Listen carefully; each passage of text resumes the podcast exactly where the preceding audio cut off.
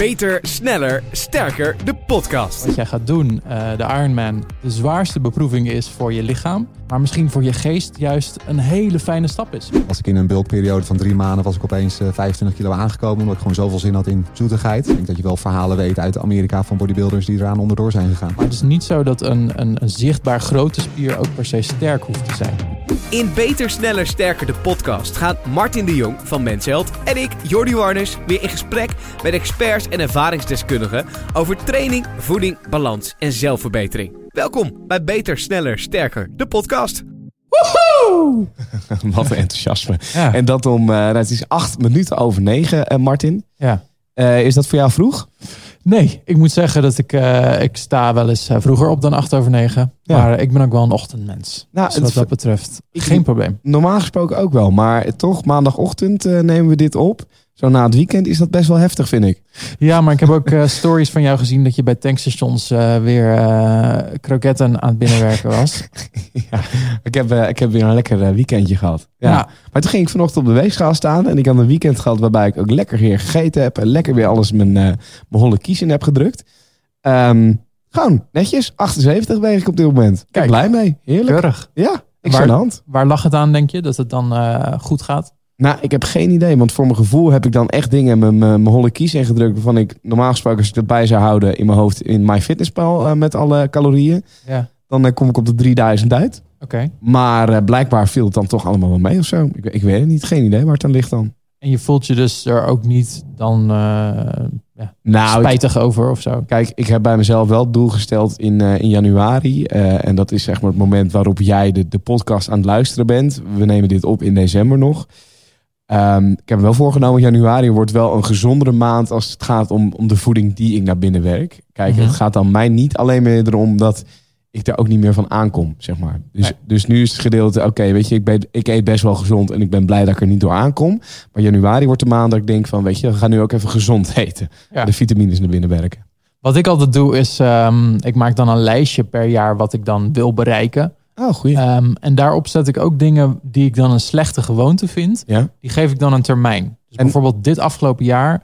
Ik at super veel kwark uh, de jaren hiervoor. En toen heb ik mezelf voorgenomen een jaar lang geen kwark eten. Gewoon om het uit mijn systeem te krijgen. Oké, okay, goeie ik heb nu wel zin in een bakje kwark. Maar eigenlijk die hele verslaving is nu gewoon weg. Maar, maar waarom is die verslaving zo slecht dan? Nou, omdat uh, je buik kan wel een soort bepaalde hoeveelheid kwark aan. Of zuivel uh, ja, in het okay. algemeen. En als je dan uh, drie bakken per dag eet. Dan merk je dat wel zeg maar, aan je darmen. Dat dat niet heel ja, erg lekker precies. gaat. En überhaupt, je moet gewoon niet zoveel kwark aan het eten zijn de hele dag. Hoe lekker het ook smaakt. Nee, nee dat is dus, um, En ik heb ook niet vervangers per se gezocht. Dat ik al van, oh, dan ga ik wel elke dag Griekse yoghurt eten ook dat, ja, af en toe kon dat dan. Maar dat was niet per se de vervanging die ik okay. nodig had. Dus zo neem ik mezelf gewoon uh, jaarlijks voor om uh, ja, iets te veranderen. En ik heb hem voor volgend jaar alweer gesteld. En dat is uh, in ieder geval een half jaar even geen Monster Energy drinks. Echt? Is dat hem geworden? ja. Okay. En, er, en er zijn natuurlijk meer. Hè? Dus ik bedoel, ik had dit jaar ook een heleboel dingen. Ik heb een half jaar niet gedronken. Gewoon echt zes maanden geen oh, alcohol. Netjes. Uh, ik heb echt. Ik, ik wilde een heel jaar lang wilde ik geen sigaret roken. Ja. Uh, omdat ik wel eens in het weekend een sigaretje rookte. En is dat gelukt? ja, ik heb de zes maanden volgehouden en toen de negen. En toen ergens in de laatste ja, toch gesneuveld. tiende maand toch niet ja. het jaar volgemaakt. Um, ja, nou ja, la, laten we zo nog even op die Monster Energy terugkomen. Cafeïne, want dat is ook wel een uh, gedeelte waar we, het gaan hebben, uh, waar we het over gaan hebben in deze podcast. Um, belangrijk om weer even te melden dat je met al je vragen, je feedback gewoon weer bij ons terecht kan. At Jordi Warners op Instagram, Jordi met de i. En ook at Martin de Jong op Instagram. En Martin is dan met de Griekse ei. Zijn weer heel veel dingen binnengekomen na de laatste aflevering Utah Leerdam. Daar was ik zelf erg blij mee, want het is natuurlijk spannend om met zo'n podcast weer terug te komen. Maar blijkbaar vinden mensen het toch leuk om naar te luisteren. Ze zijn ons niet vergeten, dat nee, is heel erg fijn. Dat, uh, dat scheelt weer. Uh, blijf vooral ook je vragen en je dingen sturen, want we kijken er serieus naar. En we proberen je ook uh, iedere keer te beantwoorden. Je mag ook altijd feedback kwijt op de kanalen waar je luistert. Dus abonneren op Spotify, een reactie achterlaten via Apple Podcast.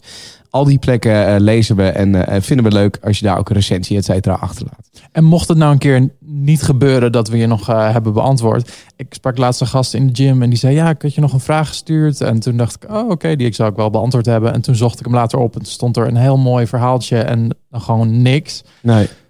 Remind me dan even. Ja, of remind. Jordi dan even. Dat, Ja. dat we, we willen alles beantwoorden. Ook, Ja, ja Ook. zeker. dus 100%. eh, Ja. En eh, je kunt ook een eh, backstage kijkje krijgen achter die schermen. Want ik heb gewoon mijn eigen YouTube kanaal gestart. hey. Ja, ja. En daar kun je gewoon ja, backstage vlogs zien van hoe wij deze podcast opnemen op iedere locatie met iedere gast. Dus check ook even Jordi Warnes op, op YouTube. Ga je dan ook van die filmpjes maken van de laatste die deze auto verlaat, wint de auto? nee, nee, nee, daar zal ik me nog eh, tot beperken. Maar wie weet, hè, ooit. Hè, je moet op een gegeven moment toch de YouTube views omhoog krikken met, eh, met thumbnails en met eh clickbait. Dus wat dat Ja. betreft. Ja, wie weet. Ehm, wat gaan we deze aflevering behandelen? En wie hebben we te gast? Dat is ook een goeie. Ja, eigenlijk wel een hele leuke gast. Ehm, mensen kennen hem eh, via een ander kanaal misschien, maar ze, inmiddels begint hij zelf steeds, steeds groter te worden. Eh, Ja. Hij is eh, bodybuilder geweest, strongman, eh sterkste man van Nederland heeft hij meegedaan. En inmiddels heeft hij een nieuw doel gesteld om van bodybuilder eigenlijk te transformeren naar triatleet. Ja. sterker nog, Ironman. Dat is toch wel een van de zwaarste lichamelijke beproevingen ter wereld. Ik kan eigenlijk weinig bedenken wat, wat zwaarder is. Misschien weet je het al. Zijn naam is dus eh Woetroe, a.k.a. Wouter Smit. Ja, Oma Voetroe. Ome Woetroe. en eh, we gaan gewoon vandaag eh, lekker met hem babbelen. Ehm, en ik, vind het ook wel even leuk om te vertellen, denk ik, waarom we Wouter te gast hebben. Omdat ik volg Wouter al een tijdje en ben hem, heb hem leren kennen inderdaad ook via Joel Beukers. waarin hij natuurlijk vaak als Ome Woetroe te zien is.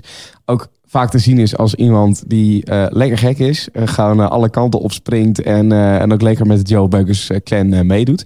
Mhm. Maar op zijn beurt ook bloedserieus en bloedfanatiek is. Al meerdere bodybed- bodybuild wedstrijden in zijn leven heeft gedaan. Volgens mij daar ook zijn hele leven al mee actief is. Ja. Ehm, en die in zijn YouTube video's op zijn eigen kanaal... ook vaak heel vaak nuttige tips geeft aan, aan kijkers... als het gaat om voeding en als het gaat om trainen. Ja, het is heel leuk om te zien dat er achter een, een man die ook graag eh, breakdance op de vloer te zien is op stories. ook echt Ja. een welbespraakte, nette, eh, intelligente man zit. Eh, dus ik vind dat een hele mooie mix zelf. Ja, en hij is dan clubmanager bij Club Pelikaan in Almere. Dat is ook de locatie waar wij vandaag zitten. Ehm, en laten we hem er gewoon bij gaan halen, toch? Woetroe. Wouter Smit, oftewel Ome Woetroe. Yes, gezellig jongens Ja. dat ik hier mag komen. Ja, nou ja, tof dat, dat wij hier eh, langs mogen komen. Want eh, wij hebben onze studio eh, in de auto gepleurd. En we zitten nu in Club Pelikaan in Almere. Yes, Je bent hier clubmanager. klopt, clubmanager. Al, dit is mijn derde jaar nu. En, en wat houdt dat in, clubmanager? Ehm, eigenlijk ervoor zorgen van dat de club goed draait. De afdelingen aansturen. Goede voor, of, zorgen voor een positieve groei in het ledenaantal. Goede financiële situatie hier op de club. En eh, ja, zo innovatief mogelijk zijn ten opzichte van de concurrentie. Nou, nou denk je, Club Pelikaan Almere. Het, het is geen eh, gesponsorde aflevering. Maar ik, het- het- er- zit hoop, eh, hoop in deze club. Want eh, ik zie niet alleen maar een sportschool bij wijze van spreken. Nee, klopt. Het is eh, meer dan een sportschool alleen. Eh, we hebben ook een trampolinepark van, eh van Jump Jack. Wat hier eh, zit. Wat, een, Ja. wat met name goed is voor de kids. Heel erg leuk is. Tussen de Oh ja. ja, 5 en de, en de 15 jaar eigenlijk. Daar eindigt deze podcast ook vandaag? Of? Bij de Jump Jack? Ja. ja. we gaan even helemaal gek hoor. Oh, dat vind ik wel leuk. We springen een gat in de lucht hier bij Jump Jack straks. Ja. Tof. Nee, en daarnaast eh, natuurlijk naast de fitnessgroepsles ook eh, een horeca gedeelte. Eh, we hebben ehm, tennis en squash. noem maar op. Dus eigenlijk voor alle leeftijdsgroepen is hier eh, voldoende te doen. Maar jij traint hier ook, hè? Want dit train is gewoon ook. echt jouw vaste gym ook. eh. Ja, mijn vaste gym. Het is heerlijk om dat te kunnen combineren met mijn werk. Om lekker eh, voor werk of eh, tijdens werken in de pauze of na werk gewoon even lekker te kunnen sporten. Om even de focus weer daar te krijgen waar die moet zijn. Denk Ja. je dat, stel je werkte niet in een gym, dat je dan wel hetzelfde lichaam zou hebben? Of is het toch makkelijker? Ik denk het wel. Er is wel, wel wat meer discipline voor nodig, denk ik. Om eh, vanuit je werk, dan gaan de meeste mensen toch naar huis om eh, te gaan eten en dan op de bank zitten en dan niet meer van die bank af willen komen. Eh, maar als je hier dan werkt, ja, dat is toch een extra motivatie om dan toch meteen even te gaan sporten en dan pas naar huis te gaan. Mhm. Dus die eh, stap is eh, ietsje kleiner, denk ik. Hoe lang sport je al? Eh, als in fitness of echt gewoon als Ja, in gewoon sport oefenen? Nou ja, dat bijvoorbeeld. We- Weet je nog wanneer je voor het eerst zeg maar, echt met sport bezig was, met bewegen?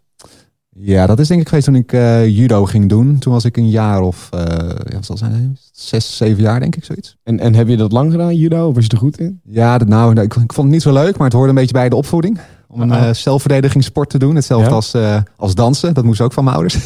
Oh, je hebt ook gedanst? ik heb ook gedanst. Steldansen voor twee jaar. Echt? Ja, Oh, wat ja, goed. dat hoorde bij de opvoeding. Moest ik vanaf mijn zestiende doen. En dan Oh. minimaal één jaar. We gingen nog één extra jaar door. Maar dat was meer voor de feestjes en te zuipen, zeg maar. Ah, vandaar dat breakdansen dus. Vandaar dat breakdance inderdaad, ja. lekker, lekker, lekker. Uh, judo en toen ben ik eigenlijk gaan tennissen. Uh, en toen gaan basketballen. Dat heb ik echt voor, uh, voor tien jaar gedaan. toen ben ik naar Amerika gegaan voor een jaar high school. En um, daar kwam ik eigenlijk in aanraking met, met fitness.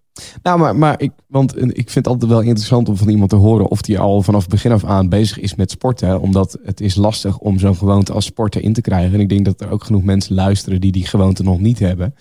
Ja. Um, maar Weet, je ook waarom het bij je opvoeding hoorde dat jij, dat je zoveel moest sporten blijkbaar? Was je een druk kind bijvoorbeeld? Of? Nou, misschien was ik meer, ik was meer een beetje op, op mezelf. Ik uh, vond het lastig om uh, zeg maar sociaal te zijn. Uh, niet dat ik niet met andere kinderen om kon gaan, zeg maar. Maar ik was een beetje meer op mezelf. Ja. Um, en ik denk van als je teamsports doet of je doet een sport als judo of een tennis, ja, dan kom je toch meer in interactie met je leeftijdsgenoten.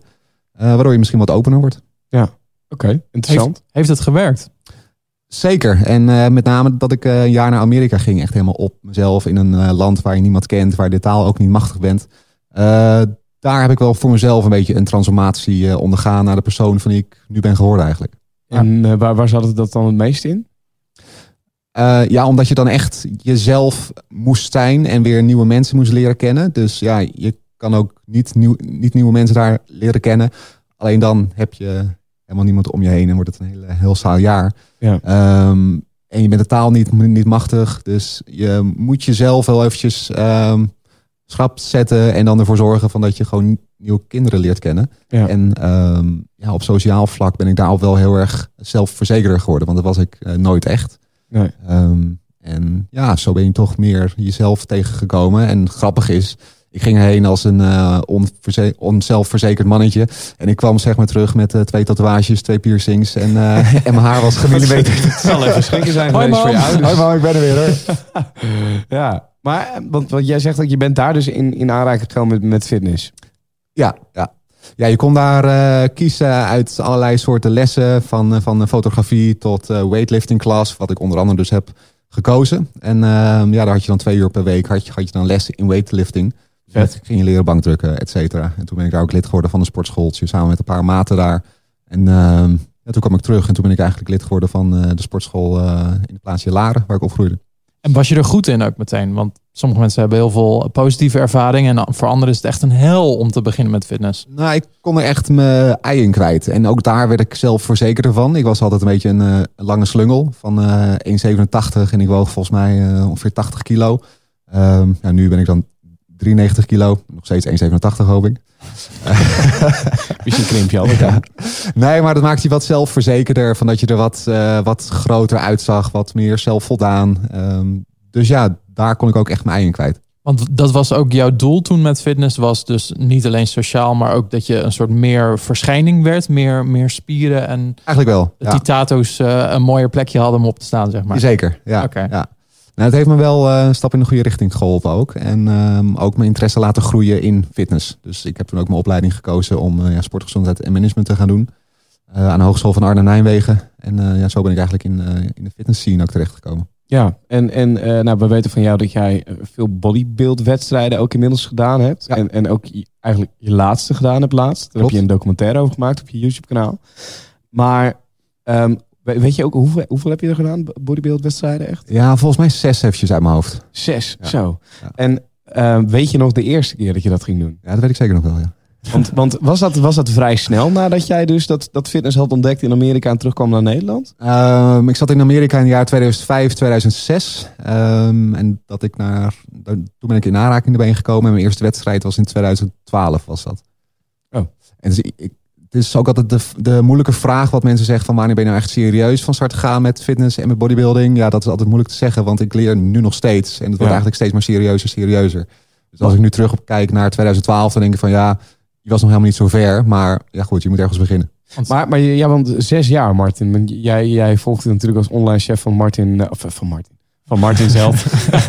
Martin Zeld. Van Martin Zeld.nl. Nee, van Mensheld natuurlijk. Maar um, bodybuilden, dat doe je niet uh, als je een jaar getraind hebt, toch? Nee, het is eigenlijk met bodybuilden en uh, hetzelfde eigenlijk met bijvoorbeeld hardlopen en uh, vele andere sporten. Je wordt met het jaar beter. En je ziet ook dat de meeste mensen die echt serieus op het podium topplaatsen halen, die zijn niet vorig jaar begonnen met fitness. Die, die staan er gerust al tien jaar, zo niet langer, al uh, in de sportschool te knallen. En worden met het jaar beter. Dus dan zit er ook niet een jaar in dat ze even zeg maar compleet stoppen. Het is altijd door en door en door. En dan sta je op het podium en dan win je. Maar daarom is het wel leuk. Want waarschijnlijk als jij nu jouw eerste wedstrijd ziet, dan denk je, nou ja, was dat eigenlijk bodybuilden of stond ik meer gewoon op een podium? Terwijl als je nu jouw laatste resultaten ziet, dan denk je waarschijnlijk van, ja, zo moest het zijn. Ja, klopt. Zeker. Uh, voor mij staat er zelf nog een filmpje op YouTube ook. Uh, voor mij was het de JBC Cup 2011 eh, of 2012 of zo. Dus als je dat dan zoekt, dan zie je mijn, uh, mijn staan op het podium.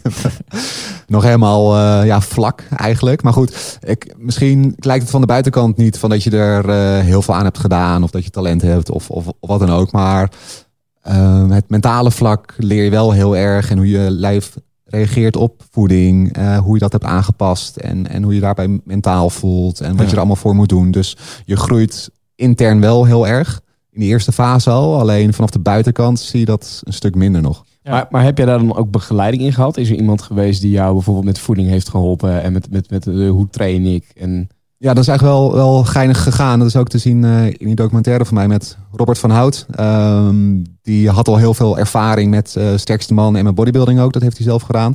Ik kwam hem eigenlijk tegen aan de bar toen ik werkte bij de Gold Gym als fitnessinstructeur. Toen uh, zat ik net mijn eiwitshake uh, op, op te drinken. En toen vroeg hij mij van, joh, van, zou je het niet een keer leuk vinden om een bodybuild, om een bodybuildwedstrijd te gaan doen? En uh, toen zei ik, nou goed, ja, nog nooit over nagedacht. dus maar goed, het lijkt me wel leuk. En toen ja, was dat eigenlijk het eerste start, startschot tot de eerste bodybuildwedstrijd van 2012. Je durfde gewoon geen nee te zeggen. En toen... In principe niet, nee. Al die jaren later zit je nog steeds vast in die wereld. Ja, nee, maar ik ben wel iemand die het leuk vindt om ja, iets te doen wat een beetje eh, out of my comfortzone is. Uh, wat je toch weer uitdaagt, wat je toch zo mentaal of fysiek ook, ook weer sterker maakt. Um, ja, waardoor je niet alleen maar de dingen doet van waarvan je denkt dat je goed in bent. Hey, maar, de, oh, sorry, hè? Ja, maar daardoor heb je dus ook bijvoorbeeld Strongman is ook een deel van je leven geweest. Um, was je toen ook nog bezig in je hoofd met het bodybuilding? Of was dat gewoon weer een complete onderbreking daarvan? Um, kort, ja, het was deels. Het was, was een uh, korte onderbreking. Uh, ik zat toen ook een beetje in mijn bulkperiode uh, na, na, na, na die wedstrijd. Het was gewoon een goede manier om wat meer massa aan te kunnen komen. Mm -hmm. omdat ik natuurlijk ook opeens weer meer ging eten. Ja, want kun, kun je ook even kort toelichten voor luisteraars wat, wat Strongman dan inhoudt? Of ja, sterkste Strongman man van Nederland? Is, is sterkste man. Uh, ja, een heel ander soort iets dan dat je ziet uh, in de sportschool. Uh, het is daar vooral veel zeulen, lopen en tillen met hele zware voorwerpen. zowel van die grote stenen eigenlijk die je op een platform moet tillen tussen de, ja, wat zal zijn, ongeveer 80 en mogelijk 160 kilo. Daar was ik bij lange na niet. Van deadliften tot uh, car dead, deadlifts tot uh, laat race. Dus dat je de zware onderdelen op een, op een verhoging moet, moet gooien. Um, maar dat ging wel heel lekker, toch? Of? Het ging op een gegeven moment wel goed. Het was leuk. Ik uh, daar heb ik ook nog wel een mooi verhaal over. Ik heb toen een keertje meegedaan aan de wedstrijd in Zeeland. Uh, Biggekerken, of all places. Wie kent het niet? kent het niet hè? En, uh, en daar was ik ja, niet, niet de allergrootste, kan ik je wel vertellen. En uh, daar, moest ik, of daar moesten we een, uh, als eerste onderdeel een Amerikaanse truck voort, voort gaan trekken. En die had, daar had ik de snelste tijd bij. Oh. Dat was het eerste onderdeel. Als mannetje van 106 kilo. De rest was allemaal boven de 120, 130 en echt ervaren. En die zaten me allemaal aan te kijken. Die dachten, wat de fuck gebeurt hier? En dat was ook het enige onderdeel. En daarna toen werd ik allemaal laatste. Maar, maar um, want, want Oké, dan hebben we nu Strongman uitgelegd. Uh, De sterkste man in principe. Maar bodybuilden, is het heel gek als ik vraag... wat is bodybuilden? Wat zien wij onder bodybuilden? Bodybuilden is eigenlijk uh, het, het, het soort... Je moet je lichaam zien als een brok steen. En die ga je dan een soort van verbeteren tot de, best, de beste versie die je eruit kan halen. Uh, en het is eigenlijk gewoon een sport waarbij je je voeding, je slaap, uh, je leefritme en je training heel goed moeten kloppen. Wil je er echt in uitblinken. Want in principe, als je een van die elementen niet kloppen, dan kun je het meer gewoon sporten noemen, meer fitness dan bodybuilding. En juist als je alle ingrediënten voor elkaar hebt en een competitief element toevoegt, ja, dan heb je bodybuilding. En is bodybuilden ook per se sterk zijn of meer op het uiterlijke fysiek van je, van je spiermassa trainen? Het, het gaat vaak wel gepaard. Dus er zijn hele sterke bodybuilders. Eh, en dat is vooral omdat ze dus jaar in jaar uit trainen. Maar het is niet zo dat een, een, een zichtbaar grote spier ook per se sterk hoeft te zijn. Nee. Maar er zijn bijvoorbeeld ook video's waarbij je online gaat dan een bodybuilder uh, liften tegen een powerlifter, tegen een, noem maar wat, een, een, een, calisthenics man. En dan zie je toch dat een bodybuilder vaak toch wel echt heel sterk uit de bus komt. Uh, dus, en ook als je kijkt naar hoeveel spiermassa ze hebben ten opzichte van vet, is het eigenlijk onvoorstelbaar. Want de gemiddelde powerlifter zet toch al wat makkelijker kilo's aan erbij, omdat dat niet zoveel uitmaakt. De bodybuilder wil droog blijven. Maar daardoor die spieren lijken wel een soort optimaal uh, getraind te zijn vaak. En um, Wouter, jij hebt ook video's gemaakt over het gebruik van anabolen. Dat je er helemaal gek van werd dat uh, mensen eigenlijk continu daarover begonnen bij jou. Ja. Um, je gebruikt het niet, je hebt nooit gebruikt ook, volgens mij toch? Nee. nee. Wat, wat, wat, wat zijn anabolen? Ja, ga ik toch weer aan, aan, aan, nou ja, aan Wouter. Misschien kan ik jou vragen, wat zijn anabolen?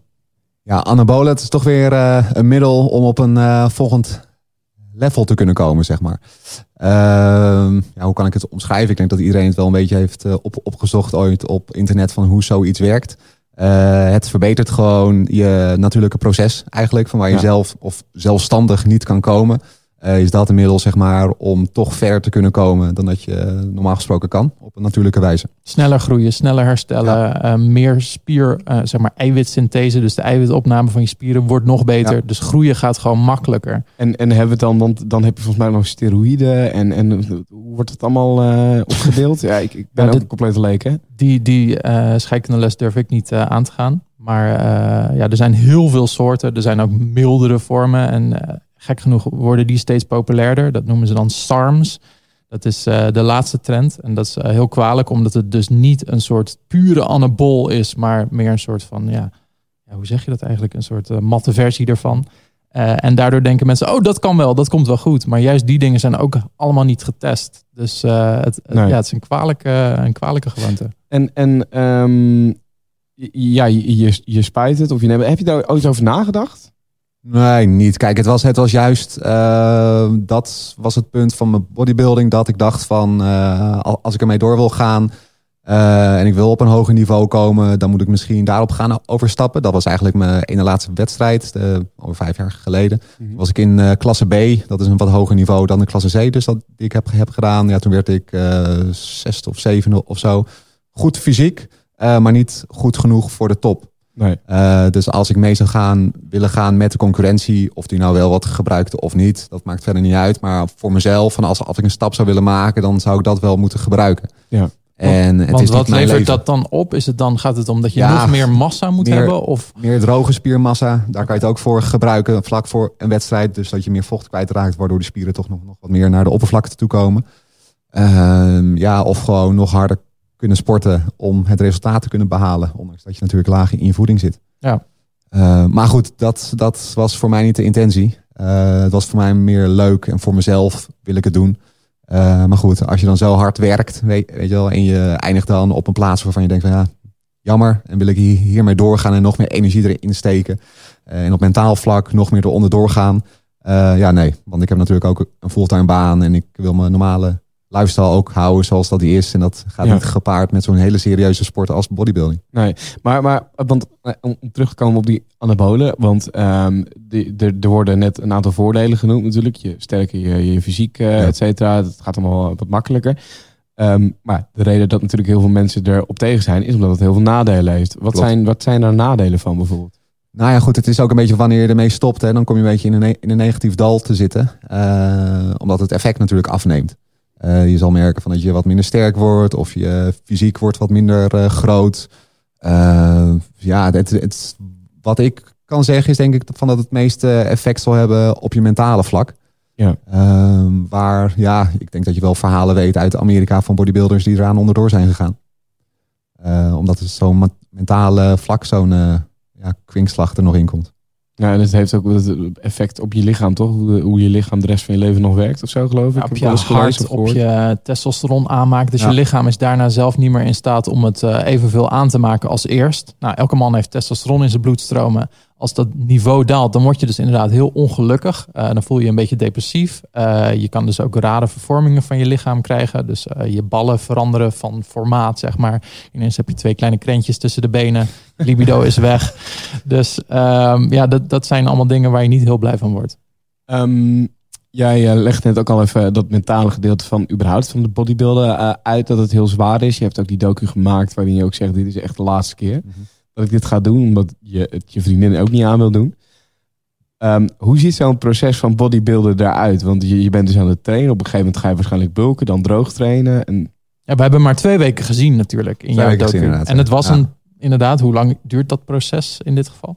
Ja, als ik die ook even eh, daar laat maar dan even teruggaan zeg maar, naar een echte voorbereiding. Want ik was toen al wel een beetje droog. Want ik had al de intentie om droog de zomer in te gaan. Zeg maar. Dus ik had al een, eh, een vliegende start. Uh, maar normaal gesproken tussen een wedstrijd en een andere wedstrijd in. Dan, dan kom ik dan weer aan. op een gegeven moment was ik... ik was normaal gesproken altijd op, op wedstrijden zo rond de 90, 91 kilo. Was ik in een bulkperiode van drie maanden was ik opeens 25 kilo aangekomen. Omdat ik gewoon zoveel zin had in zoetigheid. Nog even uh, één keer terug. Ik hoorde 25 kilo. Jij ook, uh, Jordi, of niet? Nee. nee. nee. nee. Ja, dat was niet een hele ideale voor, voorbereiding. Maar goed, een normaal proces, dat, dat, dat, dat, ziet er dan uit van dat je na de bodybuilding eventjes een beetje rust neemt. Een beetje gas terugneemt. Uh, weer een beetje normaal gaat proberen te eten. Je gaat je wat meer focussen op uh, kracht in plaats van uh, ja, op het volpompen van de spieren. Althans, dat ging zo bij mij met de voorbereiding dat je wat sterker wil worden. Je wil die spieren wat uh, sterker maken, wat groter maken. Om dan vervolgens eigenlijk ongeveer drie maanden voordat je de wedstrijd doet, uh, weer laag gaat in je calorieën. Uh, om je vetpercentage zo uh, ja, laag mogelijk te krijgen. En ja, dat, dat had voor mij niet zoveel zin om dan nog in die periode ook nog te focussen op krachttoename. Dus dan gingen we weer een beetje door op een ja, high intensity trainingen. Um, of gewoon op het uh, volpompen van de spieren. Kijken welke spieren nog iets meer ontwikkeld moet, moeten worden. Dus wanneer je eerder droog wordt, uh, zie je meer de spierdefinitie. Dat je heel erg goed kan zien van ja, welke spier moet nog wat meer aandacht hebben. Ja. Um, en het grappige is dan dat je in het proces dan ook ziet uh, hoe die ontwikkeling dan is van die spier. Omdat die veel meer naar op, de oppervlakte toe komt. Ja. Uh, zo was het soms de, de achterkant van mijn schouders, die dan een klein stukje groter moesten of, of, of, of wat voller. Uh, met de triceps. Dus dan doe je weer specifieke soort oefeningen daarvoor. En dan zie je gewoon dat die ontwikkeling van die, um, van het, van die spier gewoon zich doorontwikkelt. Ja. En, en even voor de leek ook droog trainen, bulken. Bulken is gewoon inderdaad veel eten. Ja. Vooral op je spieren gaan trainen, blijven trainen, ja. blijven trainen. Gewoon veel, veel energie Klopt. naar binnen nemen. en de kunst je... een beetje met, met de bulk is dat je niet echt uh, helemaal all-in gaat met alle vetten en suikers nemen, zeg maar. Want dat heb je ook, weet je, de dirty bulk, zeg maar, hoe mensen dat een beetje populair noemen. Uh, maar het is toch gewoon een kunst om gewoon meer te eten dan dat je eigenlijk nodig hebt. Omdat je gewoon uh, ja, spieropbouw wil, wil re uh, realiseren ook. Maar als je dan vergelijkt met bijvoorbeeld als je je maximale inname qua eten eerst en dan aan het einde bijvoorbeeld van die twee weken qua calorieën, hoe ziet dat er dan uit? Op je hoogste en op je laagst? Ja, op mijn hoogst zat ik denk ik zo ongeveer op de, ja, 3500 calorieën. Denk ik. ik was altijd een beetje voorzichtig. Heerlijk. Ik, uh, ik durfde nooit echt uh, extreem veel te eten. Maar behalve toen die periode van toen ik 25 kilo aankwam, toen ging ik eventjes wel even, even lekker door het geluid daarmee. Ja. Um, en, en, waarmee deed je dat dan? Wat, nou, hoe, ja, hoe kom je 25 kilo aan? Nou, ik had, we beter aan Jordi vragen misschien. ik, ik, weet niet hoor, maar uh, als ik de opdracht krijg, dan uh, over twee weken is het gelukt. Nee, nee dat niet. Maar... Nee, toen, kijk, die wedstrijd die hield toen op uh, ergens vlak na Sinterklaas toen. Dus mijn kast die zat vol met marsepein, met chocolade, letters, bakstaven en weet ik veel wat allemaal. Dus ik zat echt te vreten, vreten, vreten. En het kwam allemaal niks meer schelen, want ik had er zoveel zin in. En uh, ja, ik liep toen ook helemaal vol, vol met, uh, met vocht. Ik kon mijn eigen knieschijf gewoon niet meer zien. dat was echt vreselijk, was het. Uh, maar goed, daar leer je dan ook weer van. Maar er was gewoon veel zoetigheid, veel, veel vet eten. Dat was iets waar ik toen naar snakte echt. maar op ja, minimale calorie basis met een wedstrijd zat ik nog ongeveer tussen de ja, 1500 en de, en de 1900 een beetje. Dat is heel weinig. Ja, soms een beetje te weinig, maar op een gegeven moment dan durf je ook niet meer te eten. Nee, nou ja, goed, kijk, want, want wat jij hebt gedaan is natuurlijk een keer uh, duizend van, van wat, wat ik uh, vorig jaar heb gedaan voor uh, nou, hetzelfde katern uh, ja. Men's Health waar jij ook in hebt gestaan. En Haman heet dat toch? Ja. ja. Ehm, maar ik, ik ging op een gegeven moment inderdaad ook naar 1500 calorieën. En dan is het puur uh, droog trainen. En uh, was het überhaupt de eerste keer van mijn leven dat ik dat aan het doen was. Maar waar, waar ik naartoe wil is dat ik heb dat nu één keer gedaan. Ik ben daar eigenlijk denk ik stiekem nog herstellende van. Uh, in mijn hoofd. Mijn hersenen die nog niet helemaal samenwerken met hoeveel ik mag eten. Ik durf niet uh, te veel te eten, want dan ben ik bang dat ik weer aankom. Dus dan zie ik mezelf weer 80 zijn op de weegschaal. Dan ga ik weer drie dagen lang uh, uitsterven bijna van, van de honger.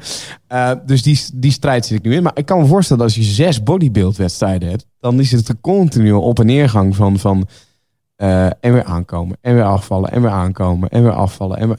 Word je daar niet helemaal gek van? ja, ik, ik, werd er ook gek van. En dat was ook een beetje uh, ja, van waarom ik ermee ging stoppen. Ja. Uh, want dat was constant. Je ging weer dieper en dieper. En je dacht van, oh, kan het nog erger? Ja, het kan nog erger. Ja. Elke wedstrijd weer. Want je raakt steeds meer gemotiveerd en geobsedeerd eigenlijk. Uh, door jezelf. Dat je jezelf gewoon echt helemaal gek maakt. En, en je vriendin kennelijk ook. Mijn vriendin ook. Ja, het is niet goed voor je relatie. Dat merkte ik uh, ja, niet bij de laatste dan. Want dat was een voorbereiding van twee weken waar ik echt eventjes diep ging. Uh, maar met mijn ene laatste wedstrijd, uh, ja, toen was ik een soort van gewoon iemand die niemand om zich heen wilde hebben de laatste twee weken. En zelfs mijn vriendin dan wegstuurde. Omdat ik gewoon alleen op de bank wilde zijn. En ik wilde, uh, ja, ik had geen zin om te communiceren. Ik wilde alleen maar naar mezelf kijken in de spiegel om te kijken of het wel goed ging. En het juiste eten. En noem maar op. Ja, waarom doe je het dan nog, vraag ik ja, ja, af. Ja. De man die dan ooit sport begon om socialer te worden. Ja, en een sociale precies, vogel werd, sloot zich daarna op in zijn kooitje. Goeie, ja. Exact, ja. En uh, toen was ik uh, klaar met, met die wedstrijd. Toen duurde het nog wel, denk ik, uh, ja, een week of twee voordat ik een beetje normaal was weer. Inderdaad, wat jij zelf ook, ook zegt, ja. omdat het lastig is om weer in een patroon te komen waar je in hoort te zijn, zeg maar. En niet in die wedstrijdfocus. dat het, um, ja, van, dat ik toen toch wel re realiseerde van, ja, dit was niet goed. Nee. En, dat je, en dat je best een beetje schaamt dan voor jezelf van hoe je dan was. Maar je hebt het dan totaal niet door. Nee. Maar kijk, dat is ook het lastige. Bodybuilden is denk ik wel een van de zwaarste dingen ook die je kunt doen. Um, en dat is grappig, want we hebben een bruggetje nu naar, uh, naar jouw volgende stap. Ja.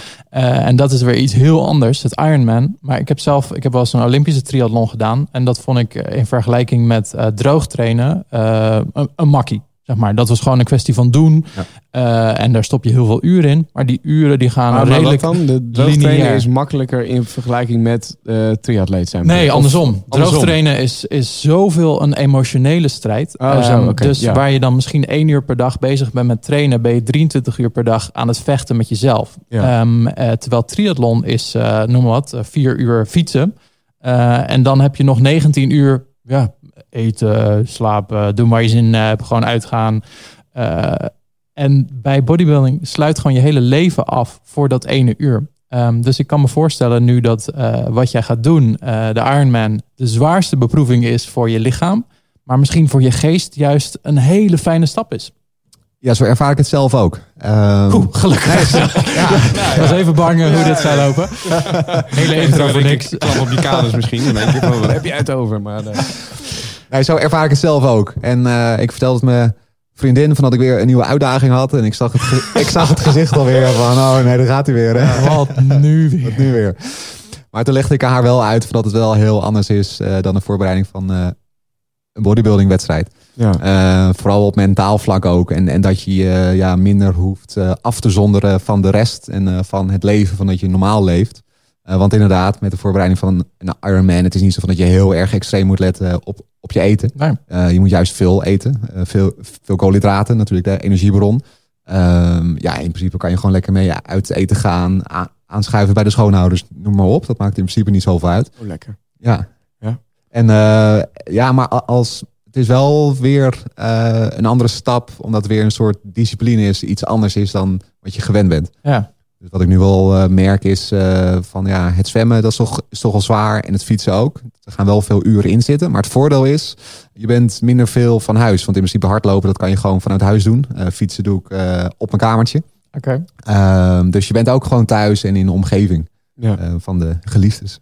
Maar um, ik heb dan die, die vraag die stel ik dan even aan jullie beiden. Uh, jullie zijn beide, uh, Martin, jij ook. Jij bent ook wezen droogtrainer, dus ook een docu over gemaakt. En nou ja, Wouter, jij dan met al je bodybuild ervaring. Op een gegeven moment ga je dus dan nou, jij de weg van triatleet op. Martin, jij hebt iets vergelijkbaars gedaan. Jij, jij hebt een fucking zware fietstocht uh, gedaan in Vietnam, als ik me niet vergis. Ja, klopt. Uh, zeven dagen, 10.000 hoogtemeters gefietst. Ja. En uh, dat is natuurlijk met ja, 100 kilo lichaamsgewicht best wel een, een, aanslag op je lichaam. Dus ik heb zoveel mogelijk spiermassa doei gezegd om zo licht op die bergen te staan als kon. Wat, wat is die, die, die strijd in je hoofd die je dan voert? Want ik kan me voorstellen dat is, ja, je hebt een droog, droog getraind, je hebt een fantastisch lichaam gehad, je hebt, je hebt, je hebt fantastische spieren, zie je overal een gegeven moment moet je dat weggooien voor iets anders. Ja. Is dat niet onwaarschijnlijk kut? Nou, dat was eigenlijk de grootste vraag die ik uh, van iedereen kreeg. Um, maar nee, eigenlijk niet. Wat ik, wat ik heel jammer vind is dat je doei zegt tegen je sport. En uh, je doet iets zes keer per week. En dan daarna doe je het eigenlijk niet meer, in mijn geval.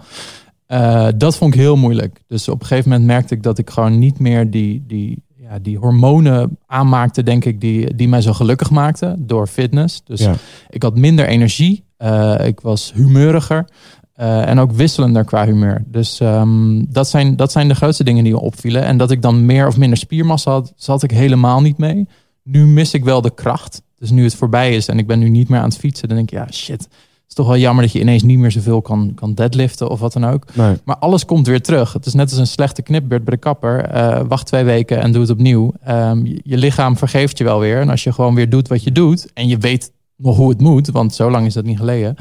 Dan ja, trekt het allemaal weer bij. Alleen als ik jou eens even twee weken wachten met die kapper weer, want uh, nee, geintje natuurlijk. Nee, Altijd leuk. Nee, maar dat is dus helemaal niet heel erg. Alleen ja, het is wel echt een compleet andere wedstrijd. Maar het, ik vond het zelf heel fijn om, om uh, weer even totaal wat anders te doen. En om te weten hoeveel ik dus van die sport hou. Want je, op een gegeven moment ga je gewoon elke dag naar die gym. En dan ben je weer thuis. En dan vergeet je dus hoeveel dat voor je betekent. Totdat je het wegneemt. En is het nou vergelijkbaar met wat jij nu doet, Wouter? Want als ik nu naar jou kijk, dan, dan, zit, dan zit er nog een enorme me. En dan lijkt het alsof je geen, geen enkele spiermassa nog bent verloren tot nu toe.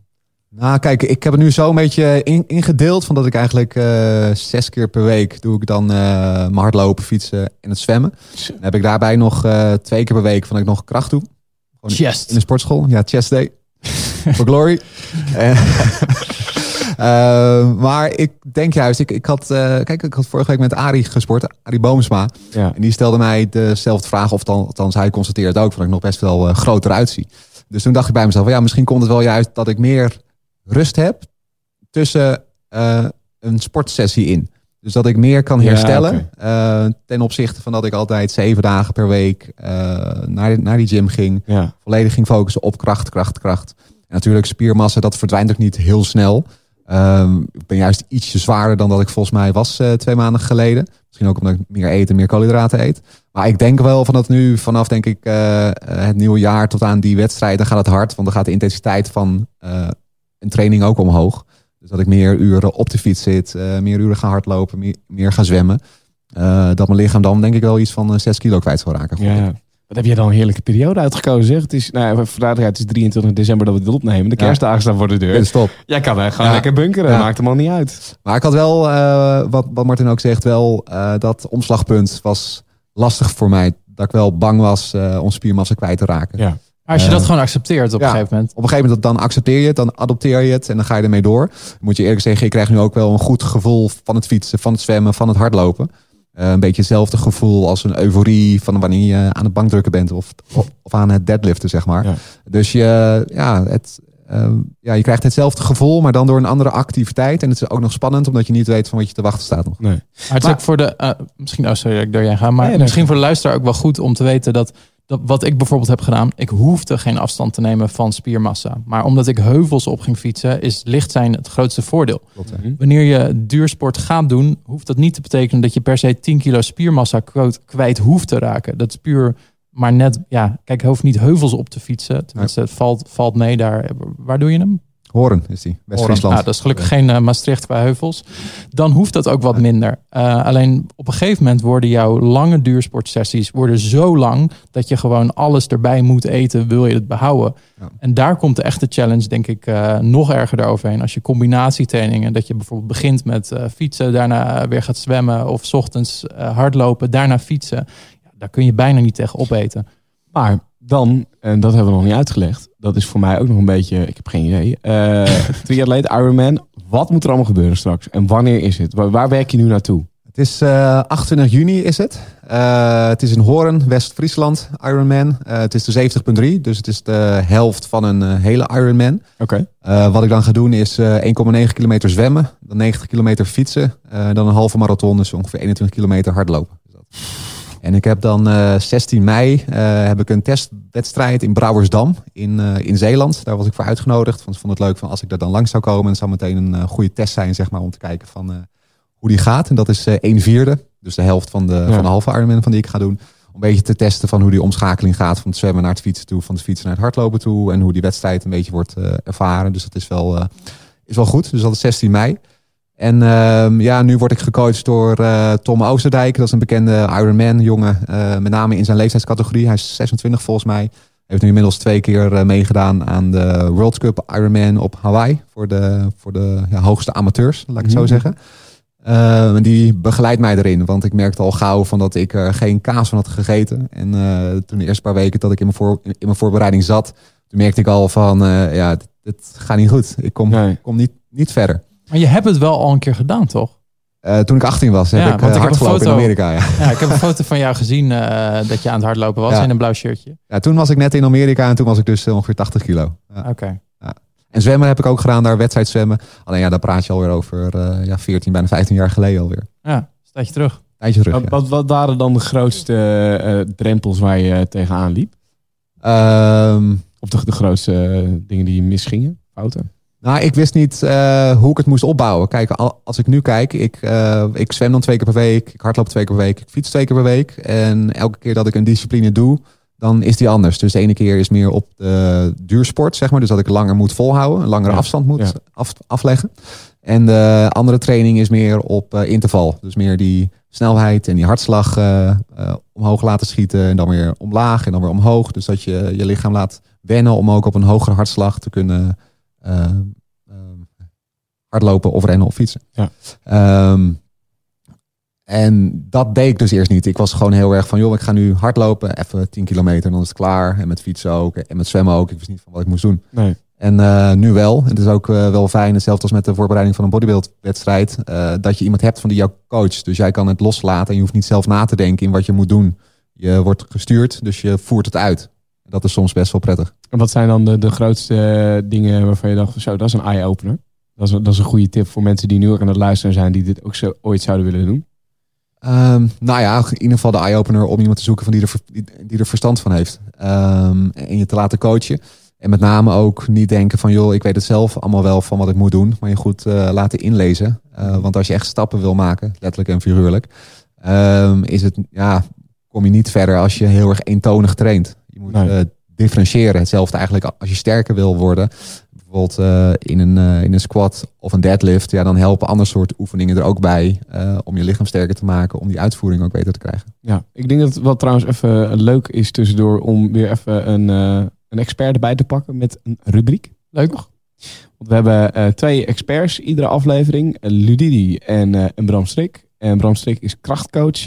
Twee mensen voor het NOC NSF, maar ook voetballers en dergelijke heeft Martin en, en mij ook getraind. Nog steeds. Nou, Bram, goed om te weten, is van de techniek. Die wil eerst dat de techniek goed is en dan, dan pas zwaar tillen. En hij heeft weer een, een tipje voor ons. Tip van de week van Slicky Powerhouse. De push- en pull ratio. Je wil er namelijk voor zorgen dat je houding zo perfect mogelijk blijft. Dus om ervoor te zorgen dat je rug net zoveel getraind wordt als je borst, wil je voor elke duwbeweging ook een trekbeweging maken. Dus als je bijvoorbeeld gaat bankdrukken, moet je ook een pullbeweging maken. Bijvoorbeeld pull-ups of een lat pull-down.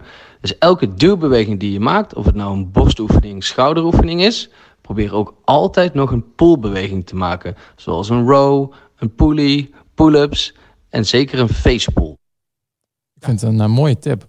Ja, is hij van Strictly Powerhouse, denk je, of niet? het zou wel kunnen. En ik heb ook nog wel een tip voor hem. Misschien even zo'n uh, pofkapje kopen. Ja, zo'n uh, cavia of je ding. Nee, het is wel een hele mooie tip. En ik denk dat ik zag uh, Woeter al een beetje knikken van ja, dat, dat klinkt wel als, als de waarheid. Daar kan je wat mee. Ja. Zeker. Ja, ja, ja. Um, ja terug even naar jou, Jordi. Want um, als je dit allemaal hoort. Je bent ondertussen druk aan het vloggen met je camera. Maar uh, als je dit hoort. Wat, wat doet het met je? Krijg je zin om zelf nieuwe doelen te stellen? Los van Ja, het triathlons of wat dan ook? Het is heel grappig dat eh, ik luister naar dit en het klinkt heel lekker. En het klinkt ook. Ik, ik dacht net even in mijn hoofd. Oh, dit is misschien ook wel een leuk, leuk nieuwe challenge om te gaan doen. Ehm niet per misschien het, het triatleet eh, zijnde. Ehm, maar ik vind het bijvoorbeeld heerlijk. Gisteren, eh, zondag, eh dat je een ongezond weekend. hier daar een showtje gedaan en nou, noem maar, maar op. En ik had eigenlijk. En ik, ja, Bram luistert dan waarschijnlijk nu ook mee. Sorry Bram. Ik had eh, mijn vierde training van die week moeten doen. En dat was deadlift. Dat was ook de laatste training van die week. Ik had er niet zo zin in. Ik had niet zo zin om te deadliften. En ik merk dat ik dat soms vaker heb bij die krachttrainingen. Dat ik soms even geen zin daarin heb. Wel naar de gym wil. Ga ik gewoon een uur lang. En dat hebben we het, hebben we het vorige podcast ook over. Ga ik gewoon 65 minuten lang. Ga ik fietsen. Mhm. En dan verbrand ik 900 calorieën. Ondertussen kijk ik eh, YouTube filmpjes. Zit ik wel rond de 160 eh, eh, eh, zeg maar qua hartslag. Eh, en verbrand ik zoiets van 800, 900 calorieën op 65 minuten. Ik kom er vanaf. Ik, ik heb ge- gezweet als de, als, de, als de tering. En ik voel me heerlijk. Ik voel me Mhm. fantastisch. En dan ga ik voldaan, ga ik naar huis. Dus dat hele cardio gedeelte vind ik dan wel weer erg lekker. Ja, maar zou je daar iets mee willen? Nou, ehm, Want je doet het nu, dat is, dat sowieso leuk. Maar eh, ben je van het doelen stellen? Is dat iets wat je fijn vindt? Nou, ik merkte dat het, dat met het trainen naar die mensheld eh shoot toe toen, eh, dat ik me toen meer tot het uiterste heb kunnen drijven als dat ik dat nu kan zonder doel. En dat klinkt natuurlijk ook wel heel logisch. Hè? Je weet waar je naartoe werkt, eh, je weet waar je het voor doet. Nu heb ik soms wel eens... Dat, tijdens die periode dacht ik, oh, wat, twee kilo afvallen? Fucking makkelijk. Kom maar op, weet je wel. Twee weken, geef me twee weken. Die twee kilo zijn eraf. Ja. Eh, en nu denk ik bij mezelf, oh, ik ben, ben eigenlijk wel iets te zwaar. Ik wil even die twee kilo eraf. Nou, dan ben ik aan het strijden, jongen. Dan, dan, dan, dan is er weer een dag, dan, dan ligt er weer ergens een reep in de hoek van de, van de studio. Of ligt dat er weer. Het gaat allemaal zo die holle kies in. Dus ik heb het daar nu veel moeilijker mee. Ehm, weet je hoe dat komt? Ja, dat, ja, waarschijnlijk wel omdat ik geen doel heb. Ja, zeg niet maar, als je je ogen op, op een doel hebt gericht, dan zie je die reep niet eens. Je ziet alleen Nee, maar je precies. doel. En Ja. nu kijk je eigenlijk gewoon rond en denk je, ik heb wel een doel, maar ineens komt er een nieuw doel, een reep of een biertje of een, een bitterbal. Ja, Eh, en dan is het heel moeilijk om dan toch op die streep door te gaan waar je wel wil zijn, maar waar Ja. er geen tijd voor tikt. Er is geen klokje die nee. Binnen waar jij eh, je doel moet halen. Dus ja, daar komt ineens zo'n snikker. En dan denk je, nou ja, dan eh, stel ik dat, dat klokje wel weer even uit. Ja. En dat Ja, is niet en- erg, maar tenzij je er stress over hebt. Ja. Het is op zich ook niet erg om eventjes te ontspannen nadat je echt heel erg hebt ingespand. Eh, Nee, het, is, het is ook, ook wel goed om niet al te snel weer een nieuw doel te hebben van waar je echt volledig op, op moet focussen. Eh, maar dat je wel een beetje gaat nadenken weer over iets van, joh, wat is leuk om naartoe te kunnen werken? Want het motiveert wel om echt het maximale eruit te Ja, halen. zeker. Nou, en, en eh, wat, wat grappig is, is dat, eh, want ik heb jou ook in dat artikel toen genoemd, als in jouw video's, Ja. met betrekking ook zeker tot voeding, heb ik best wel veel eye-openers bij jou gehad. Ook wel door Marijn Schoeber, die we toen destijds de gast hebben gehad. Maar wat ik bij jou zag, ehm, is dat volgens mij jouw witte bolletjes met, met kaas of zo, geloof ik, die jij vaak hiermee naartoe En neemt. het kipfilet met, Ja. met mosterd erop en dat soort dingen, weet je. En toen, en toen dacht ik bij mezelf, witte bolletjes. ik heb toch iedereen naar me, naar me toe gehaald vroeger die zei, ja, je moet bruinbrood eten, je moet bruinbrood eten, je moet dit, je moet dat, je moet dit, zus, je moet zo. En ja, wat ik toen heel erg leerde is dat, en ook van die Marijn destijds, dat calorieën zijn in feite calorieën. Dus voor het aankomen eh, of het afvallen maakt het niet uit of je een wit bolletje of een bruin broodje eet. Behalve het feit dat een wit bolletje misschien wat sneller meer calorieën bevat dan een, eh, bruine boterham. Ehm, maar dat, dat, dat, je dus helemaal niet zo onwijs streng voor jezelf hoeft te zijn, maar dat je daar ook van mag genieten. En tuurlijk, een, een, een bruine boterham zou waarschijnlijk misschien beter voor je lichaam zijn dan dat witte bolletje. Maar om het resultaat te behalen, kan het net zo goed. En dat is ook waar je jezelf fijner bij voelt natuurlijk. Ja, het, gaat, het gaat mij ook altijd in mijn advies naar anderen toe. En hoe ik het zelf ook ervaar. En wat ik ook zelf doe. Is altijd van ja, je moet het kunnen volhouden voor de rest van je leven. Ja, Eh, geen eh, kortstondig dieet waarvan je denkt van nou, we gaan even zes, zes, zes weken even omschakelen. En dan na zes weken dan gaan we weer wat anders doen. Eh, het is een lifestyle. eh dat moet je kunnen volhouden. Kijk, je moet het kunnen combineren met eh, ontspanningen. Naar, naar een feestje gaan. eh, uit eten kunnen gaan. Andere dingen kunnen doen dan alleen maar gefixeerd zijn op, op je gezondheid. Ja. Alles wat altijd ja, moet, dat is niet leuk. En dat doen mensen vaak ook niet. Maar alles wat mag, ja, dat vinden mensen leuk om te doen. Ja. Ehm, en heb je daar de juiste balans in, dan gaat het goed. Maar als je te erg gefixeerd op iets wat je moet doen, ja, dat vinden mensen gewoon niet leuk. Uh, dus daarbij is mijn advies dan ook ja, om, om niet te kijken van wat mag ik niet eten, maar wat kan ik wel eten uh, in verhouding tot wat mijn doel is. Ja. Uh, dus is het een wit bolletje of is het een keertje een kroketje of is het daarnaast een keertje een salade, weet je wel, om te compenseren. Ja. Dan, dan, dan, moet het kunnen, want anders ben je constant maar ook in een restaurant. Oh, ik heb, ik mag niet dit of ik mag niet dat, dus ik neem maar een salade, weet je wel. En, um, en, als we het dan over die voeding hebben, is het dan zo dat jij nu nog steeds iedere dag bijhoudt wat je eet met, met, door middel van calorieën en MyFitnessPal? Nou, in principe uh, nu niet. Ik probeer het wel weer een beetje te doen. Maar ik zit nu een beetje, ja, natuurlijk in een ander soort voorbereiding. Dat, dat ja. ik niet echt mijn calorieën of mijn shape uh, van, hoe, van hoe het eruit ziet, dat hoeft niet perfect te zijn, zolang het maar functioneel is. Ik moet ja. zelfs een beetje afvallen.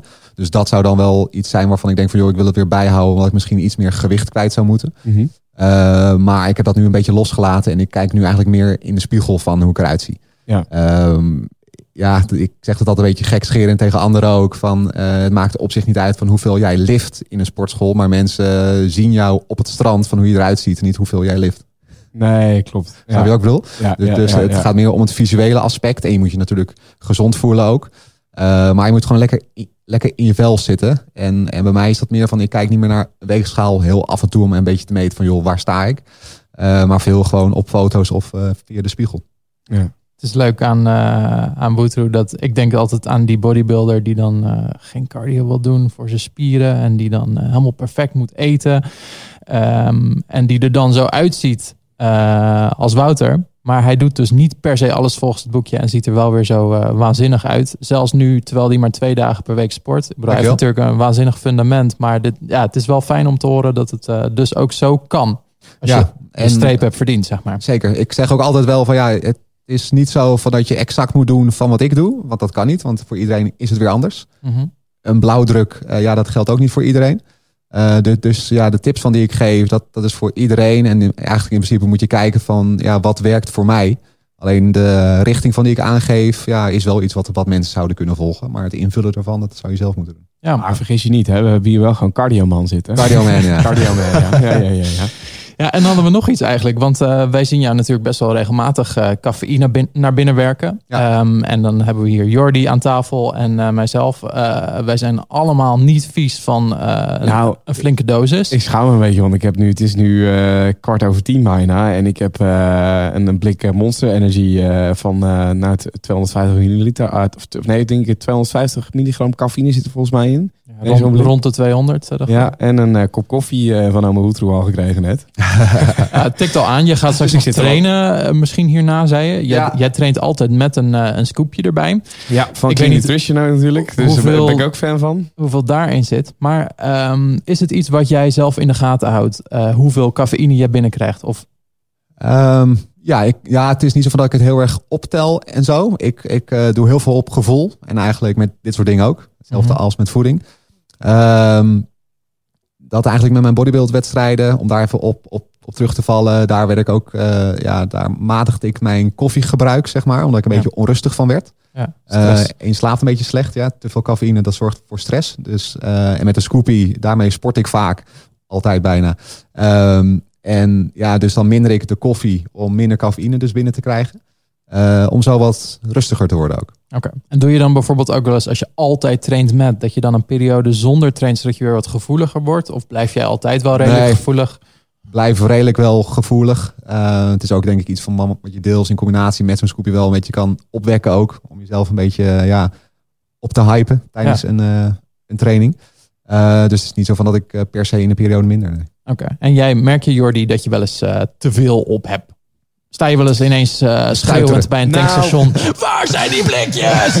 En dat je dan denkt van ja, misschien moet ik wel iets minder. Um, qua slaap denk ik wel dat het bij mij inmiddels een beetje effect heeft. Als ik kijk naar afgelopen nacht, ook niet zo lekker geslapen. De laatste tijd is mijn slaap denk ik qua kwaliteit ook wat minder. Mm -hmm. uh, dus dan is cafeïnegebruik misschien ook wel een, een uh, goede hoe heet dat, oorzaak van. Um, maar ik heb nooit zo dat ik aan, aan, aan het einde van de dag echt koppijn heb of zoiets van nu heb ik te veel naar binnen zitten werken. En ik, ik hou er ook wel rekening mee in mijn hoofd een beetje. Kijk, zoals van vandaag. Ik weet dat ik vandaag nog een scoop ga nemen omdat ik ja, moet gaan trainen. En uh, daar heb ik het wel heel even voor nodig. Het zal wel een half scoopje even worden. normaal gesproken is dat niet zo op een dag hoor. Het is niet zo dat als ik ga trainen, en meestal doe ik dat in de ochtend slash namiddag, dan hou ik er wel rekening mee. Ga ik niet zo'n blik naar binnen werken. En dan qua koffie doe ik ook iets minder. Dus ik hou er wel rekening mee hoofd. En dan hou ik altijd wel die 500 milligram aan die een gemiddeld persoon volgens mij naar binnen kan hebben als ik het voedingscentrum mag geloven. Mhm. En dan weet ik ongeveer wel hoeveel uh, milligram cafeïne er in een koffie zit. Of een dubbele espresso of in een, uh, een blik Monster Energy. Maar ik zou het niet een week kunnen stoppen. Nee. En dat dan is heb je wel echt hoofdpijn en uh, Nou, ik weet niet of ik dan hoofdpijn heb. Maar, want ik heb het eigenlijk nog nooit gedaan. Ik denk, denk ook niet, want ik, ik heb ook wel eens in een weekend een dag dat ik het niet zo heel veel, heel veel cafeïne op krijg. Dan krijg ik niet echt hoofdpijn volgens mij. Maar ik, ja, weet niet, als ik, ik ben in die week voor mijn gevoel al een stuk minder productief. Ik denk dat ik die week ook minder, minder, minder hard kan trainen. Ja, wat grappig is, heel veel mensen die dan eh, even stoppen met cafeïne, die vergeten dan dat ze eigenlijk eh, ook acht bakjes per dag aan uh, vloeistof binnenkrijgen. Dus dan missen ze en die cafeïne en die vloeistof. Nou, dan is hoofdpijn gewoon 100% gegarandeerd. en dat je je ellendig voelt ook. Dus dan gaan ze heel snel weer terug aan de cafeïne, drinken ze weer minder, verdwijnt de hoofdpijn. Uh, ja, maar en, en er zit in, in een hoop dingen zit cafeïne. Hè? Vergis je daar ook niet in. Als je een cola zero neemt of een normale cola of uh, je neemt chocola. Dat is, dat is voor mij de grootste eye-opener geweest afgelopen half jaar. Wist ik veel dat er cafeïne in chocola zit. Nou eet ik niet zoveel chocola, maar dat wist ik niet bijvoorbeeld. Maar zo krijg je op, op heel veel andere manieren toch nog even die extra milligram uh, cafeïne naar binnen in je mik. Klopt inderdaad, ja. ja. Ik heb zelf nu ook voor mezelf de regel eigenlijk van dat ik geen koffie meer drink na één uur. Dus dat ik daarmee stop. En vaak zit ik ongeveer op uh, ja, vier kopjes koffie, denk ik. Ja. En dan ga ik sporten met, met een scoopje erbij. En dat probeer ik eigenlijk altijd wel voor vier uur te doen. Uh, dus dat mijn lichaam nog een beetje de, tijd heeft om die cafeïne een beetje af, af, af, te kunnen breken. Uh, en ik drink ook altijd veel cola zero, altijd s'avonds. En dat heb ik ook eigenlijk er helemaal uitgegooid. Dat ik eigenlijk helemaal geen cafeïne meer wil hebben eigenlijk na een uurtje of zes. Omdat ik gewoon lekker wil slapen. Uh, sinds kort ook zo'n mooi horloge. Waar die alles op meet en ook, de, ja, ook je rust meet. En, en je slaapkwaliteit. En dat heeft me ook wel een beetje een uh, eye-opening gegeven. Van dat ik daar een beetje de focus op moet leggen. Dat ik minimaal wel acht uur wil slapen ook. Uh, met name ook voor het herstel tijdens de voorbereiding. Nou, dat moet je wel. Ja. En uh, over supplementen gesproken. We hebben iemand, dus dokter Ludidi, die tips geeft. Wij hebben een vraag bij hem ingeschoten. Namelijk, hoe zit het nou eigenlijk met fruit of vitaminepillen? Ja, en uh, tijdens deze rubriek van uh, Dr. Ludidi kunnen wij uh, een kopje koffie zetten. We kunnen ook even naar de winkel gaan om boodschappen te halen. Of, maar het is wel heel veel nuttige informatie. Haal ik nu zijn hele rubriek naar beneden. mooi.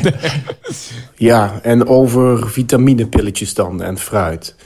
Ja, er zijn ontzettend veel mensen die, um, die vitaminepilletjes nemen als supplement. als aanvulling bij een dagelijkse eten uh, sommige zelfs gewoon als basis. En de vraag is natuurlijk of dat, uh, of, dat de juiste, of dat de juiste manier is om je vitamintjes tot je te nemen. Aan de andere kant zijn er ook heel veel vragen over of fruit wel echt zo gezond is. Want in fruit zitten natuurlijk ook heel veel suikers. En van suikers weten we inmiddels wel dat dat best wel een bad guy kan zijn als je daar te veel van binnen krijgt. Nou, laat ik vooropstellen dat eten in de basis meer is dan alleen nutriënten, meer dan voedingsstoffen. Als we het hebben over vitamine, denken we heel gauw over voedingsstoffen en uh, micronutriënten. Maar in de basis is eten natuurlijk naast voedingsstoffen en bouwstoffen ook lekker. Hè, want het heeft ook een, smaakcomponent. En het heeft een sociaal component. Hè, want waar we samenkomen, daar, daar eten we met kerst, met een verjaardag. Daar komt altijd eten bij. En hetzelfde gebruiken we ook eten als excuus om elkaar weer te zien. Heb je zin om een hapje te eten. Dat is eigenlijk wat je daarmee wil zeggen is... ik heb zin om je te zien. zullen, we, zullen, iets regelen samen. Dus eten heeft een voedingsstofcomponent... een smaakcomponent en een sociale component. En als je kijkt naar uh, vitamine, pilletjes, preparaten... daar mis je eigenlijk de smaakcomponent... want ze zijn helemaal niet lekker, bijt er maar eens op... en de sociale component. Zullen we samen even een paar vitaminepillen eten? Dat zie ik nog niet, niet zo snel gebeuren. Als we dan naar fruit kijken dan ehm, bevat fruit natuurlijk aan de ene kant wel wat energie uit suikers. Maar er zit ook een hele mooie rijke mix aan voedingsstoffen in. Uh, uit micronutriënten, vitamintjes, mineralen. En moedertje natuur heeft dat zo samengesteld dat het, um, wanneer je het eet, dat de opname van, van, van, van voedingsstoffen dat die versterkt worden door de matrix waarin ze samen voorkomen. Dat wil dus eigenlijk niks anders zeggen dat wanneer jij een stukje fruit eet, dat de ene voedingsstof die je opneemt, dat die um, versterkt wordt door de aanwezigheid van ondersteunende voedingsstoffen. Dus daarmee is fruit eigenlijk juist een heel, uh, ja, een heel goed middel, een hele goede manier om aan je voedingsstoffen te komen. Daarbij is het ook nog eens zo dat de kans dat je wanneer je whole foods eet, echt eten eet, uh, onbewerkt eten eet, de kans dat je dan te veel suikers binnenkrijgt is verwaarloosbaar. Dat kan eigenlijk niet gebeuren. Het risico ontstaat juist wanneer je bijvoorbeeld drankjes als uh, vitamin water uh, gaat drinken. frisdranken logischerwijs ook. Maar in dit soort bewerkte voedingsmiddelen, daar zitten juist heel veel suikers in. En die vergroten juist het risico um, op het binnenkrijgen van te veel suikers. Nou, resume. Ik denk dat vitaminepillen vooral een uh, aanvulling zouden moeten zijn op een, uh, op een eetpatroon. Maar als je normaal gesproken een gebalanceerd eetpatroon hebt, een gevarieerd eetpatroon hebt, waarin je dus verschillende kleurtjes van uh, groente en fruit eet op verschillende eetmomenten, dan kun je eigenlijk al zeggen dat je daarmee voldoende vitamine en mineralen, voldoende voedingsstoffen binnenkrijgt. En het bijkomend voordeel is dat het vaak beter smaakt en dat je er ook een feestje mee kunt maken. Enjoy health en uh, ja, fijne dag verder. Groetjes. Nou, helemaal mee eens natuurlijk. Ik denk uh, als jij gewoon uh, genoeg voedingsstoffen binnenkrijgt via normale voeding, dan is dat altijd uh, beter dan een pilletje. Ja. Al denk ik ook, er zijn mensen die helemaal geen fruiteters zijn. mijn moeder bijvoorbeeld. er zijn ook mensen die helemaal niet van groente houden. Ja, dan is het sowieso een mooi middel. Uh, zelf tik ik het er sowieso bij, naast mijn gewone voeding, om zeker te weten dat ik alles binnenkrijg. En uh, misschien is mijn plas daardoor ietsje duurder, maar dan weet ik in ieder geval dat al mijn uh, hokjes zijn aangevinkt qua... Want wat gebruik jij dan als aanvulling? Ik heb gewoon een, een, een, een, multivitamine voor mannen. En dat zijn twee pilletjes in de ochtend. ja, ja. gewoon algemeen alles afvinken, zeg maar. Nou, ik gebruik nu die, en daar, daar uh, kwam ik bij door JJ eigenlijk, de vorige uh, podcast. Uh, die had het over Animal Pack. en dat, nou, voor mensen die niet van pillen slikken houden, is dat echt een ware hel. Ja. Want het zijn echt, hoeveel zijn het er? Nou ja, het zijn twaalf pillen. En er zijn echt zulke units op een of andere manier heb ik een keel gehad uh, zo groot als de Koentunnel volgens mij. Want uh, die twaalf pillen die kunnen we met mijn gemak met een glas water achterover uh, in één keer. dus die slik ik dan eigenlijk iedere dag. En ja, heb ik er heel goed naar gekeken wat er allemaal in zit. Nou, misschien niet, maar ik heb daarbij het gevoel, ik krijg alles binnen. Volgens mij zit er zink in, magnesium, B12, nou in ieder geval alle vitamines en, en allemaal dat soort dingen. Voor bodybuilders wordt het gebruikt. Ik weet niet of jij het kent, Wouter. Van Animal Pack. Ja. ik heb het wel eens voorbij zien komen. Ja. ja. Ja, dat slik ik dan in idee, omdat ik dan gewoon het idee heb van, ik krijg nu iedere dag gewoon in ieder geval mijn vitamines binnen. Ja, ik heb zelf ook al een heel assortiment uh, supplementen binnen hoor. Maar dat is wel nodig ook voor de inspanning van die je levert. Nou, dat wil ik inderdaad ook met, met, met jou over hebben. Want, want uh, jij bent ook wel van supplement. Volgens mij in jouw video's laat je ook zien dat je je, je hele aanrecht staat vol met potten. Klopt. Ja. En wat, wat, wat uh, neem jij dan zo al? Um, ja, wat ik nu dan. Uh, nee. ja, ja. ja, dat is een andere podcast, toch? beter, sneller, sterker, beter, sneller, sterker. Nog sneller. Um, nee, van wat ik nu standaard eigenlijk altijd ochtends neem, uh, zijn mijn zink en mijn magnesium. Dat is zeker wel uh, toevoeging die nodig is, ook omdat je je heel erg inspant. Ja. wat je niet voldoende uit je voeding kan halen, zeg maar. Dus dat moet je wel bijnemen. Um, ja, en verschillende vitamines. Van uh, vitamine C tot D uh, tot uh, Vitamax. Dat is weer een, een, ja, een combinatie van verschillende vitamines bij elkaar. wat weer heel goed is voor je afweersysteem ook. Met name natuurlijk in deze donkere tijden, regenachtige tijden. Je bent ja. veel buiten ook en je hart loopt veel en je koelt snel af, et cetera. om je lichaam gewoon ja, sterk en goed aangevuld te houden. omdat het gewoon niet mogelijk is om het allemaal aan te kunnen vullen vanuit je voeding. Dan moet je ook wel heel veel eten weer. Ja. Nou ja, dat is volgens mij inderdaad ook wel zo. Ludie natuurlijk een goede rubriek. Maar als ik kijk naar bijvoorbeeld ook eiwitten. Haal je eiwitten alleen maar uit, uh, uit, uit, uit voeding? Of ook uit supplementen als uh, eiwitpoeder en dergelijke? Ook uit supplementen inderdaad. Ja. Dat doe ik dan s ochtends. Ja. Dat ben ik dan met mijn havermout en mijn pindakaas. Maar dat is toch ook bijna niet te doen om dat allemaal uit je voeding te halen? Want wat, uh, nou, Ligt aan ja, wat je doelen zijn. Dat, dat, dat, is, dat is heel verschillend. Voor een normaal sportend persoon is het absoluut haalbaar. En zou je eigenlijk zonder moeten. Maar als, je kijkt naar een normaal gemiddeld persoon, die weegt, uh, wat, want volgens mij is er een uh, nou, 78 kilo, net zoals ik, bij wijze van spreken. En ik geloof dat je dan 78, volgens mij is het ook met, niet met lengte toch? Bereken je dat met uh, hoeveel eiwit je nodig hebt? Of wel? Bereken je dat ook weer? Nee, bij lichaamsgewicht. Ja. ja. ja. Dan zit ik denk ik rond de 150, ja, maar 50 gram eiwitten wat ik nodig zou hebben dan. Ja, maar dat is dus een op voor optimaal resultaat. Maar stel je voor, jij, uh, zeg maar, uh, ze hebben er ook wel onderzoeken naar gedaan. Er is bijna niemand die rondloopt met een eiwittekort. tenzij je alcoholist bent. Dus ja. um, mensen die zich zorgen maken over te weinig eiwitten, zijn vaker toch de sporters. Um, en dat is omdat ze maximaal willen herstellen en maximaal spiergroei willen hebben. Ook daarin gaan ze vaak te ver. Um, als in, nou ja, baat het niet, dan schaadt het niet. Dus ik heb liever iets hoger ingezet en dat ik in ieder geval die maximale spiergroei heb. Maar bijvoorbeeld vegan sporters, die zetten veel lager in qua eiwitten.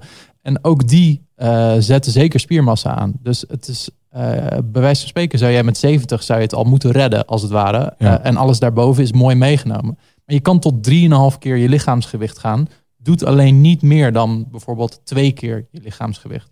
Nee, maar ik denk wel dat het altijd goed is om uh, supplementen als vitamines. Kan denk ik nooit kwaad. En helemaal niet om een vitamine als B12. Wat, wat volgens mij heel moeilijk is om uit je voeding alleen al te krijgen. Mm -hmm. Dat krijg je ja, bijna niet. Nee, absoluut. Zeker, zeker een goede toevoeging. Um, ik zie het ook wel, of ik geef het advies dan ook wel vaak, bijvoorbeeld met de eiwitshakes. Uh, natuurlijk, je kan het halen uit je voeding, maar als je bijvoorbeeld uh, uh, een leven hebt van dat je van hot naar her gaat, je hebt weinig tijd om je eten mee te nemen, of je bent een slechte ontbijter en je wilt toch snel wat tot je kunnen nemen, ja, dan is een schepje eiwit bijvoorbeeld in combinatie met water of melk is dan snel gedaan en je hebt toch eventjes wat, wat voedingsstoffen in je. Ja, zeker. Ja. Dus een stukje gemakzucht zou het ook kunnen zijn, maar niet helemaal ter vervanging van, meer een aanvulling op je voeding. Ja, en, en, creatine, want creatine is ook een term, een, of, of een stofje of een supplement die ik vaak voorbij zie komen. Wat is creatine? Ja, in principe zorgt dat voor een extra ja, krachtboost. Het, het maakt je spieren wat sterker, je okay, herstelt wat ja. sneller ervan ook. Um, en het geinige is wel, ehm, mensen vragen zich altijd al waarom ik dat nog neem, ondanks dat ik nu meer cardio doe. Uh, maar daar, goed, ik, ik heb me daar een beetje in zitten lezen. En het werkt ook heel erg goed wanneer je bijvoorbeeld op ja, intervalbasis gaat, gaat sporten. Dat je ja, korte intensieve periodes doet. Waardoor creatine dan weer het voordeel kan hebben van dat je sneller herstelt. Ja. Waardoor je ook, ook, ook weer beter wordt. dus dat vond ik wel een, ja, leuk van dat ik daar achter ben gekomen. Dat het toch nog zijn voordeel kan hebben op cardio-achtige trainingen. dan alleen maar krachtsport. En, en creatine voor de duidelijkheid zit bijvoorbeeld ook in een biefstuk, toch? Ja, uh, er zijn heel wat producten waar, waar het gewoon in zit van nature. Um, maar wil je het in die hoeveelheden dat uh, Wouter het binnenkrijgt, en dat is niet omdat hij extreem veel neemt, maar gewoon wil je sporthoeveelheden binnenkrijgen, dan moet je eigenlijk toch wel heel gauw naar, naar potjes grijpen. en daar is helemaal niks mis mee. Het is een heel veel getest supplement. En eigenlijk tenzij je ja, geen rare afwijkingen in je lichaam hebt, is het heel veilig, zo niet 100% veilig. Ja. Zou je het mij aanraden? Alleen als je doelen erom vragen, wederom. Dus mocht jij net begonnen zijn met trainen en of je na 10 of 15 kilo pakt, verschilt per week en hoe je voelt, ja, dan zou ik zeggen, begin er niet aan. Maar stel je voor, je zit op zo'n kennisniveau qua zelfkennis, dat je weet, oké, ik kan nu maximaal 115 bank drukken, ik wil naar die 120, dat lukt niet, ik loop vast. Dan probeer je zo'n potje en dan zul je zien dat het misschien net wat makkelijker gaat en dat je door een plateau heen kunt breken. Ook als je daarna weer stopt met creatine nemen. Ja, want het kan geen kwaad, toch? Nee, want kijk bijvoorbeeld bij anabolen gebruik, dan, dan heb je eventjes meer kracht en even meer spier. En zo gauw je ermee stopt, dan verdwijnt het. Maar het effect van creatine is wel dat je die spier op een natuurlijke wijze hebt opgebouwd. Dus ook al stop je met het poedertje, dan is het resultaat er nog steeds. Ook al neemt je kracht wel wat af, die spier is er. Ja, duidelijk. Dus, uh, dat is heel erg fijn. Nou, ik denk dat dit een mooie, aflevering. een mooie afronding is van uh, Sneller, Beter, Sterker, de podcast met uh, vandaag Wouter Smit, oftewel Ome Woetroe te gast. Yes. Wouter, jij hebt zo meteen nog een functioneringsgesprek wat jij moet afhandelen met de hele dag door, functioneringsgesprekken. Gaan er nog mensen uit? Nee, dat komt allemaal wel goed. Kijk, fijn. Ja, we zitten hier dus nog steeds in Club Pelikaan in, in Almere. Um, Ga je nog sporten straks hier, Jordi? Ja, dat wil ik je nog vragen. Kan dat nog? Kan ik nog Tuurlijk. even door het uh, poortje heen glippen? Dagpasje 15 euro, dus uh, oh, ja. maar komen we wel uit. Nee, precies. Oké, okay, dat is fijn. Dat is fijn. Mochten jullie straks toevallig een uh, gesponsorde post zien, dan weten jullie het. ja, het is wel toevallig, want ik zeg net tegen jou, Martin, ik weet niet of ik vandaag zin heb om te sporten, want ik voel me echt nog belabberd. Zeg even in deze podcast van dat je gaat sporten zo. Ja, dan moet je wel doen. Ik zou, als je in de sportschool staat en je wil al niet, dan ga je straks echt niet als je hier het gebouw uit bent, daarna nog terugkomen naar een ander gebouw en dan nog sporten. Dus pak hem nu maar mee en uh, knal hem eruit. Neem die scoop en gooi die schijf door het dak heen. Zie mijn, uh, zie mijn uh, tas ook de hele tijd heen en weer gaan. Dus je gaat een wilde V2 in. die moeten zo even vangen dan. Ja, die moeten we zo even vangen inderdaad. Nee, ja, Wouter, onwijs bedankt voor je tijd. Ja, bedankt voor de uitnodiging. Was leuk. En uh, voor je kennis natuurlijk ook. Um, en jij bedankt ook voor het luisteren. Dat je toch weer uh, vol hebt gehouden om uh, tot het eind van deze podcast bij ons te blijven. Martin, vragen kunnen altijd bij ons gedropt worden. Zeker. Uh, je vindt ons op uh, Instagram op uh, Jordi Warners, Jordi met een i. Of Martin de Jong, dat is Martijn met een Griekse ei. Um, ja, eigenlijk is dit gewoon al het gesprek. En kijken we gewoon weer uit naar de volgende. Ja, zeker. de volgende gast is gewoon weer over een week. Wij zeggen tot volgende week. Aju. Paraplu.